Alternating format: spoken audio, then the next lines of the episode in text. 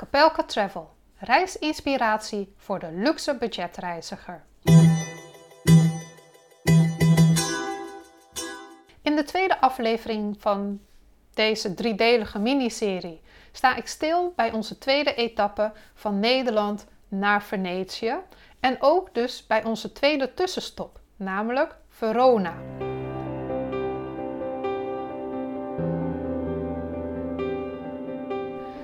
Laat me eerst even vertellen waar we eigenlijk überhaupt nog een stop hebben gemaakt in Verona.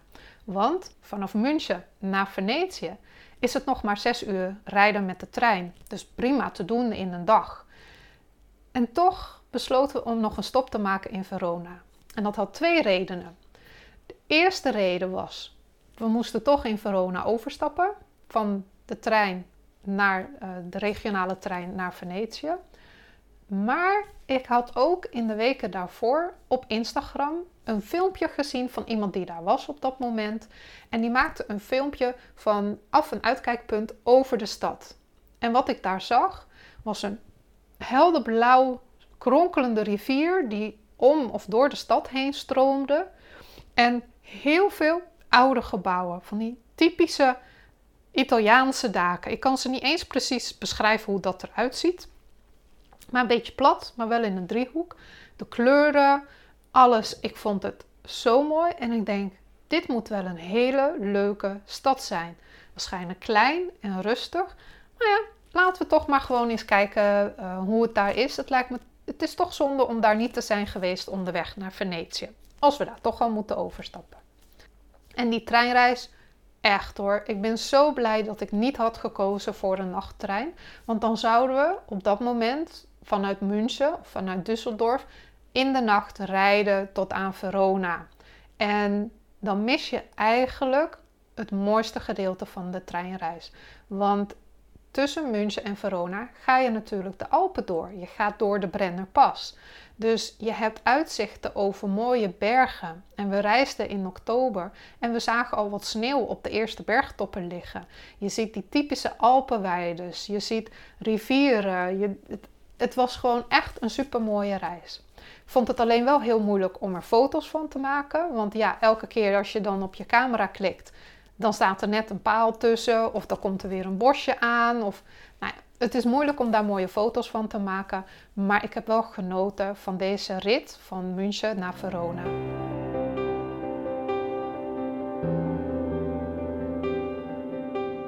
En toen we in Verona aankwamen, hebben we wel even een tijdje lopen zoeken naar de juiste bus. Het station, het busstation, is eigenlijk heel groot.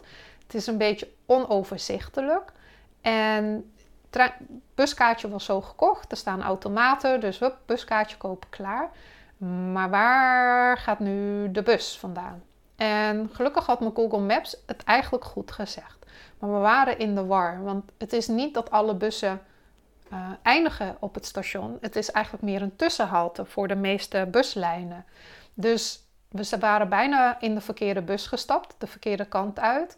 Maar gelukkig, we zagen niet de stop die we moesten hebben op de kaart staan. Dus we hadden zoiets van: nee, nee, nee, dit is niet goed. Dus na een beetje rondlopen kwamen we uiteindelijk wel bij de juiste halte terecht. En hebben we daar de bus genomen, de oude stad in, om vervolgens het laatste stukje nog naar onze Airbnb te lopen.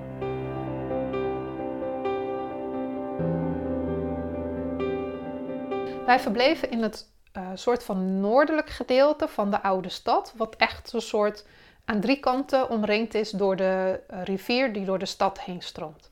Dat is de Adiga rivier.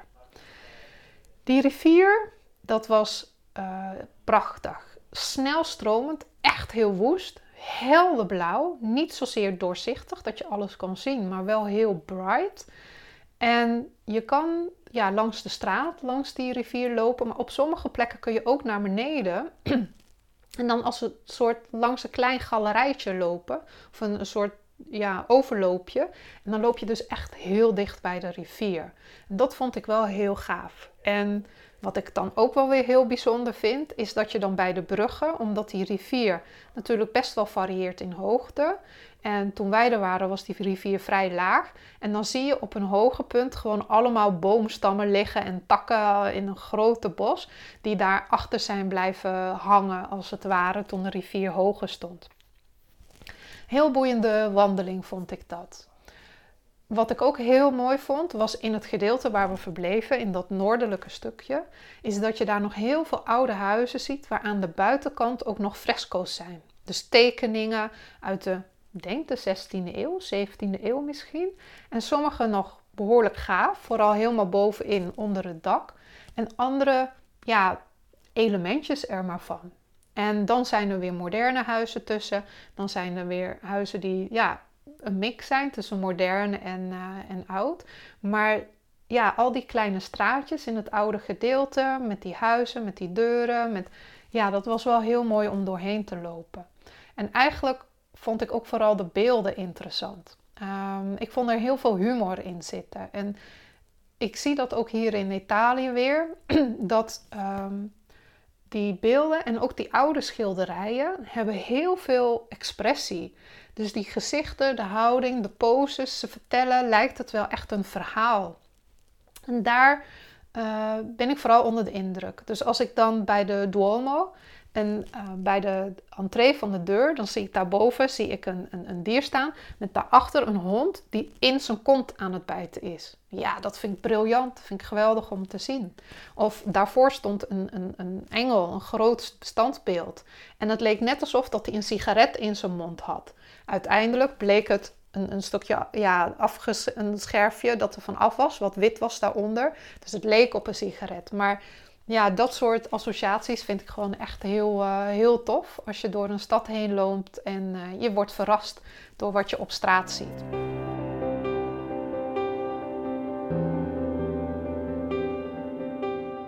Typische toeristische dingen als uh, het arena, als het oude kasteel, vond ik niet zo heel boeiend. Wij zijn daar ook niet naar binnen gegaan. Um, we hebben wel even heel snel gekeken bij het huis van Julia. En ik wist eigenlijk helemaal niet dat Verona een soort van de thuisbasis was van Romeo en Juliet. En dat dus ook bijna iedere toerist naar dat huis van Juliet gaat. Want daar heb je dat balkonnetje waar dan die beroemde scène van Shakespeare heeft plaatsgevonden. En er staat een standbeeld wat je kan aanraken. En dan heb je geluk in de liefde of iets dergelijks. En ik was er verbaasd over hoeveel mensen daar naartoe gaan vooral vooraf op de blogs en de vlogs die ik had gezien over Verona, had ik echt zoiets van: oh my god. En ik had zoiets van: oké, laten we maar even kijken. Het is toch heel rustig, bijna geen toeristen. Dus we hebben even gekeken, maar ik vond het echt helemaal niet interessant toen ben ik wel een beetje gaan lezen van ja, wat, wat, wat is dat nou, dat verhaal van Verona? En iemand vertelde mij ook van ja, dat, dat hele verhaal dat, dat dat daar Juliet's huis zou zijn, dat klopt helemaal niet. Dus ik dacht, oké, even uitzoeken. En ik heb het uitgezocht. Wat blijkt nu? Even goed de gegevens erbij halen, want anders vertel ik het misschien nog weer verkeerd. Shakespeare heeft zijn verhaal van Romeo en Julia, Don't Mind the Dog in the Background, um, heeft hij gebaseerd op een gedicht van de Engelse dichter Arthur Brooke. En Arthur Brooke heeft zijn gedicht, het verhaal van Romeo en Juliet, weer gebaseerd op een Franse vertaling van een verhaal van de Italiaan Matteo Bandello. Eigenlijk is dat ook niet het oorspronkelijke verhaal. Men heeft kunnen uitvinden dat het oudste Romeo en Juliet verhaal, Julia verhaal, dat dat komt van Masuccio Salernitano. En die heeft een verhaal geschreven in 1476. Dat heette Mariotto e Gionosa. En dat is het verhaal van Romeo en Julia. Hetzelfde soort verhaal en hetzelfde soort opzet. Maar deze schrijver had dat verhaal in Siena gebaseerd. Dus hoe komt nou dat verhaal van Romeo en Julia in Verona terecht? Nou, Shakespeare heeft in zijn versie van het verhaal gebruik gemaakt van twee familienamen die bekend waren in Verona. En dat waren de Capulet en die andere familie, vraag me even niet de naam, maar dat waren dus twee daadwerkelijk rivaliserende families uit Verona. Die familie Capello, die heeft hun huis verkocht aan de stad Verona in 1905. Die familie, die Capello-familie, werd ook wel Cappelletti genoemd. En dat lijkt natuurlijk superveel op de achternaam van Julia, die in het verhaal van Shakespeare Capulet heet. Dus de stad heeft het huis gekocht van die familie. Wanneer exact daarna, weet ik niet. Maar zij hebben toen van dat huis eigenlijk gelijk al een toeristische attractie gemaakt. Daar is de attractie vandaan gekomen. Er is dus helemaal geen formele link met het verhaal van Shakespeare. Shakespeare heeft het maar bedacht. Heeft misschien van die twee families gehoord in Verona en dacht: Oh, dat is wel leuk voor Romeo en Juliet. En ik gebruik het Italiaans, meer drama, et cetera, et cetera. Maar het heeft niet feitelijk plaatsgevonden in Verona.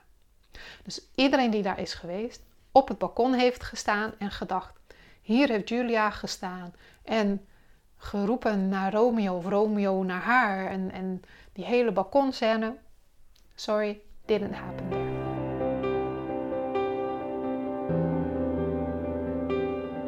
dat Verona leeft van de toeristen merkten we wel echt. Dus uh, we vonden het best wel een toeristische stad eigenlijk. En we hebben ook wel wat moeite gedaan om daarvan weg te komen. Het is niet zo heel moeilijk, maar ja, dat plein dat voor die markt, oude marktgedeelte is, ja, dat staat wel vol met souvenirkraampjes. En wij hebben daar gewoon moeite mee, want dan denken we van ja, dit is een beetje te toeristisch voor ons. Wat hebben we wel gedaan? We hebben dus vooral door onze oude buurt gelopen. Maar we zijn ook op zoek gegaan naar dat uitzichtpunt dat ik op Instagram had gezien. En ik vind het erg om te zeggen, maar inderdaad, ik zoek ook de plekjes op die ik soms op Instagram heb gezien. Ik vind het niet zo chic, maar ja, je doet het toch. Want wij zijn naar een uitzichtpunt gegaan, in eerste instantie uh, bij Castel San Pietro. En Castel San Pietro, dat is een heel bekend uitzichtpunt en ook heel gemakkelijk te bereiken vanuit de oude stad. Je gaat een hele mooie oude brug over, je gaat een paar trappen omhoog langs een voormalig archeologisch uh, museum en dan kom je vanzelf bij het betreffende kasteel met ja, nog mooie kasteelmuren, soort bastionmuren om het gebouw heen. En daar kun je echt heerlijk op de muur zitten of een beetje staan en een beetje kijken. Kun je lekker chillen. En ik heb er zelfs iemand op een klein campingstoeltje bovenop die muur zien zitten om een boekje te lezen. En dat vond ik echt wel subliem dat iemand dat uh, gewoon doet. Wil je een beetje uh, meer relaxed zitten, dan is er natuurlijk een panoramacafé waar je uh, ook het uitzicht hebt en tegelijkertijd nog een glaasje wijn of een kopje koffie kan drinken. En ik hou van uitzichten. In Athene heb ik verschillende uitzichten geprobeerd. In Lissabon zijn wij op zoek gegaan naar onbekende uitzichtpunten. Dus ook hier in um, Verona wilde ik nog een ander uitzichtpunt zien.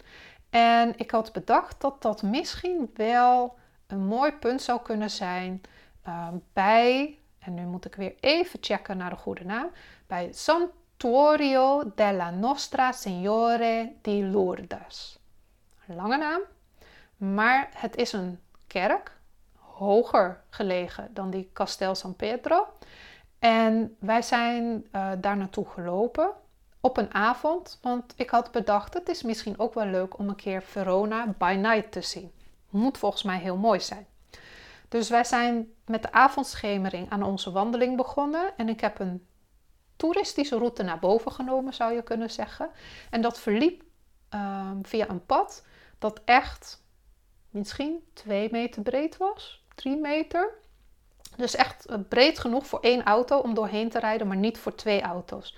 Dus er stond ook een verkeerslicht ehm, waar de auto's voor moeten wachten. En dan wordt om de beurten wordt het verkeerslicht groen, zodat je van boven naar beneden kan of van beneden naar boven.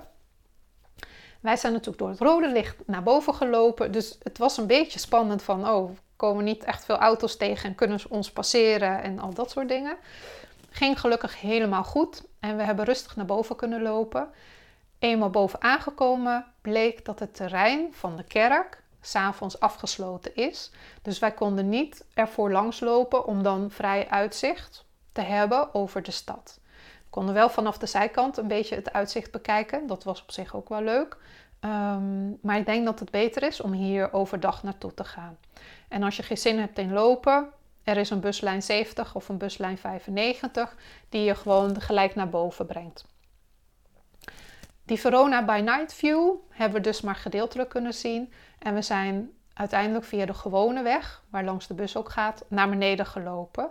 En we vonden het eigenlijk al wel een ervaring op zich. Want het is echt een wat chicere wijk waar we doorheen gingen. En het is altijd leuk om een beetje te gluren door de, door de heggen en, en, en de hekwerken. Om te zien wat voor huizen daarachter liggen. Maar ook voor te stellen wat voor uitzicht zij hebben over de stad.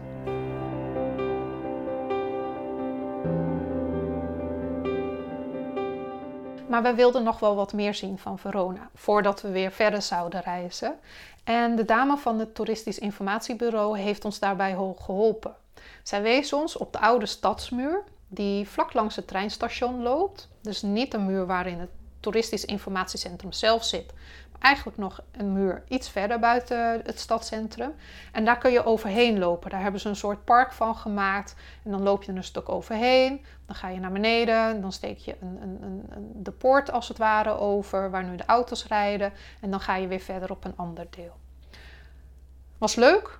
Was niet super spectaculair of super bijzonder, maar het was wel een leuke wandeling.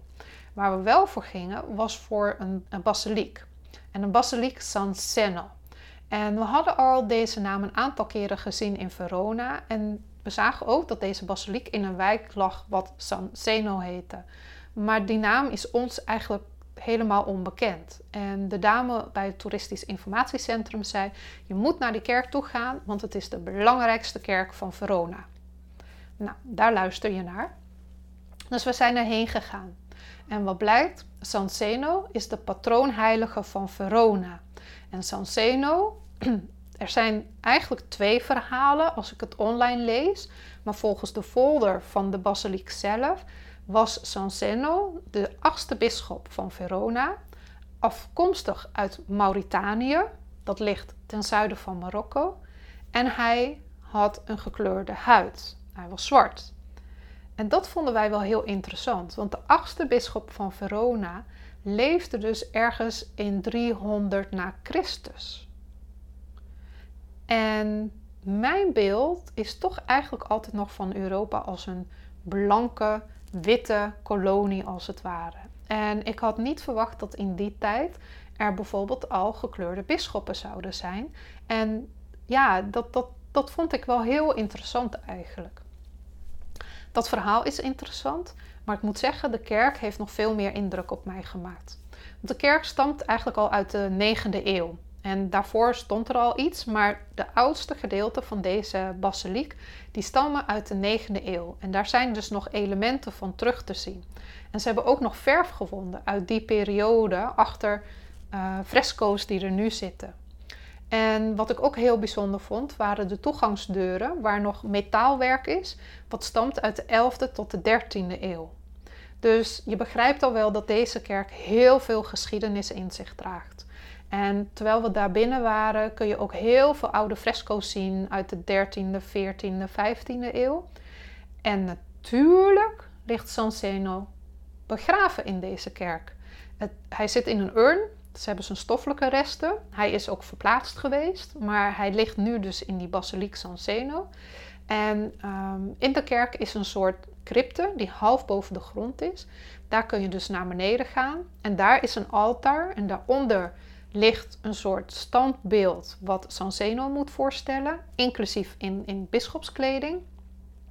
En waar die urn precies staat, weet ik niet. Maar wat ik heel mooi vond van toen wij er waren, is dat er twee vrouwen waren. Die stonden daar voor dat hekwerk richting het altaar te kijken. En zij waren liederen aan het zingen. En dat was zo mooi. En het was echt alsof, en dat klinkt raar, een, een CD was. Dus het klonk zo professioneel. En de galm en de, de akoestiek was zo mooi. Dat Milton en ik waren er beide echt heel erg van onder de indruk. En ja, die kerk, wat in Romeinse stijl is gebouwd, ehm, is echt heel mooi en heel bijzonder. En ik ben dan ook heel verbaasd dat uh, het niet echt bekend is, um, deze bijzondere kerk. En ik vond het echt een voorrecht om uh, daar te zijn geweest. En om zo'n stukje oude geschiedenis van Verona te zien.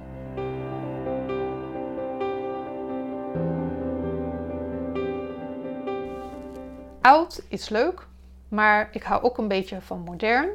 Dus uh, wij hebben ook uh, een galerie bezocht, een museum. Dat heet Museum voor Moderne Kunst.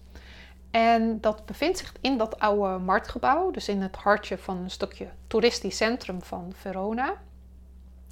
En uh, die kunstwerken die in dat gebouw hangen, die zijn eigenlijk allemaal gedoneerd door een Italiaanse beeldhouder, beeldhouwer genaamd Ugo Zanoni.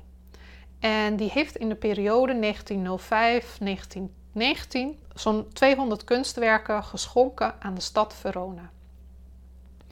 En deze werken worden nu, een deel daarvan wordt daar hier nu tentoongesteld. Dus het zijn werken vooral uit de periode tweede helft 19e eeuw, eerste helft 20e eeuw. Precies de periode die ik erg mooi vind. Tijdens ons bezoek aan dit museum werden we vooral aangetrokken door twee schilderijen van een ene Gaetano Previazzi.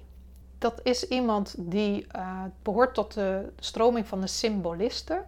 Dus die gebruiken veel, ja, het is een beetje romantisch, maar ze gebruiken ook veel symboliek. En één schilderij, Maternity, maternity uh, waarbij je een vrouw ziet die net een kind heeft gekregen, die ze vasthoudt, met engelen om haar heen. En dat was zo geschilderd dat het leek alsof het schilderij licht gaf. En dat is heel apart om te zien. Er lag een soort glans overheen dat, uh, dat het echt hemels maakte bijna. En ik heb daar echt een tijdje naar staan kijken en ik probeer dan altijd uit te dokteren hoe heeft hij dat voor elkaar gekregen. En het zit echt in de verftechniek, maar het zit ook, uh, het schilderij heeft ook relief. En in de beide bijbehorende video, wat we konden kijken in die zaal, werd dan ook uh, gezegd, en ze lieten het ook zien, hoe het schilderij van kleur als het ware verandert afhankelijk van hoe de lichtinval is. Nou, ik vond het briljant en uh, heel mooi. En voor de rest, de andere kunstwerken die we hebben gezien, waren ook heel mooi en ook heel interessant. Maar dit was wel een soort toppertje. En het meest bizarre was nog wel, is dat de entree tot dit museum slechts 4 euro was. Ik vind eigenlijk dat ze meer mogen vragen, want de werken die ze daar laten zien zijn echt mooie Italiaanse werken. Voor die 4 euro kun je naar die Galleria d'Arte Moderna gaan. Als je nog een 4 euro bijbetaalt, kun je ook nog uh, de bijbehorende toren in om dan een mooi uitzicht over de stad te hebben. Omdat wij al twee uitzichten hadden gezien, hadden we daar niet zoveel interesse in. Dus die hebben we een beetje naast ons neergelegd.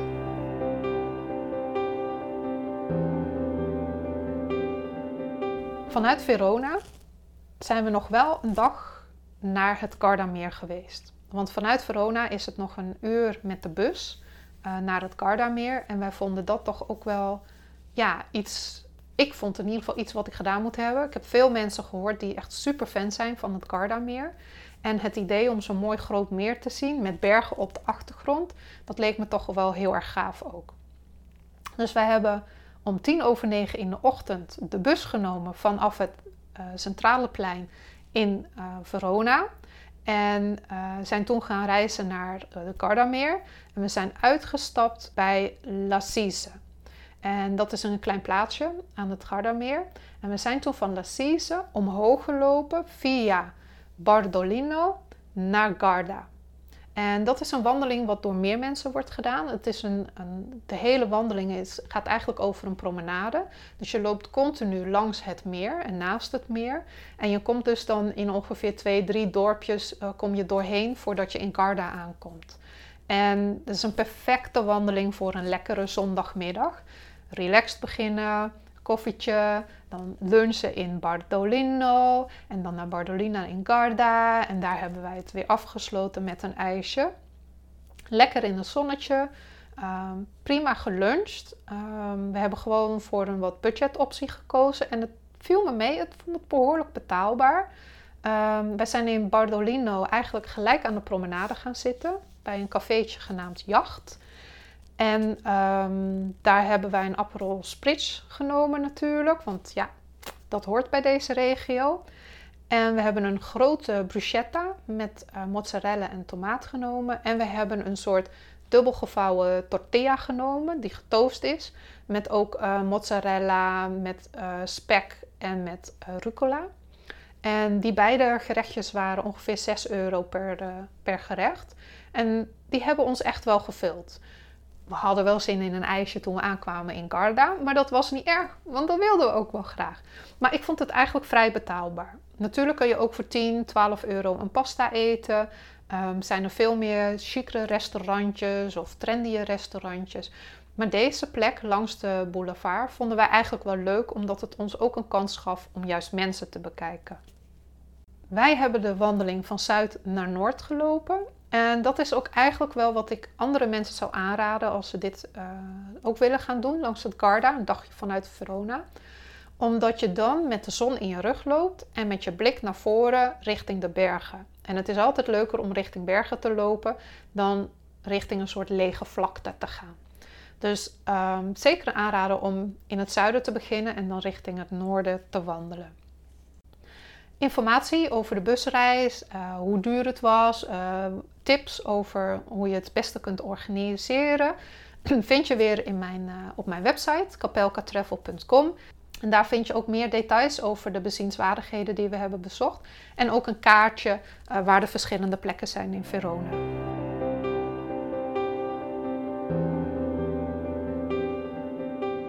Na een aantal dagen in Verona was het dus de beurt om de laatste etappe af te leggen naar Venetië. En hoe die treinreis is gegaan en hoe we zijn aangekomen in Venetië en wat onze indruk is van Venetië tijdens coronatijd, vertel ik je in de laatste aflevering van onze treinreis van Nederland naar Venetië. Ik hoop je weer te zien bij een volgende aflevering van Capelka Travel reisinspiratie voor de luxe budgetreiziger.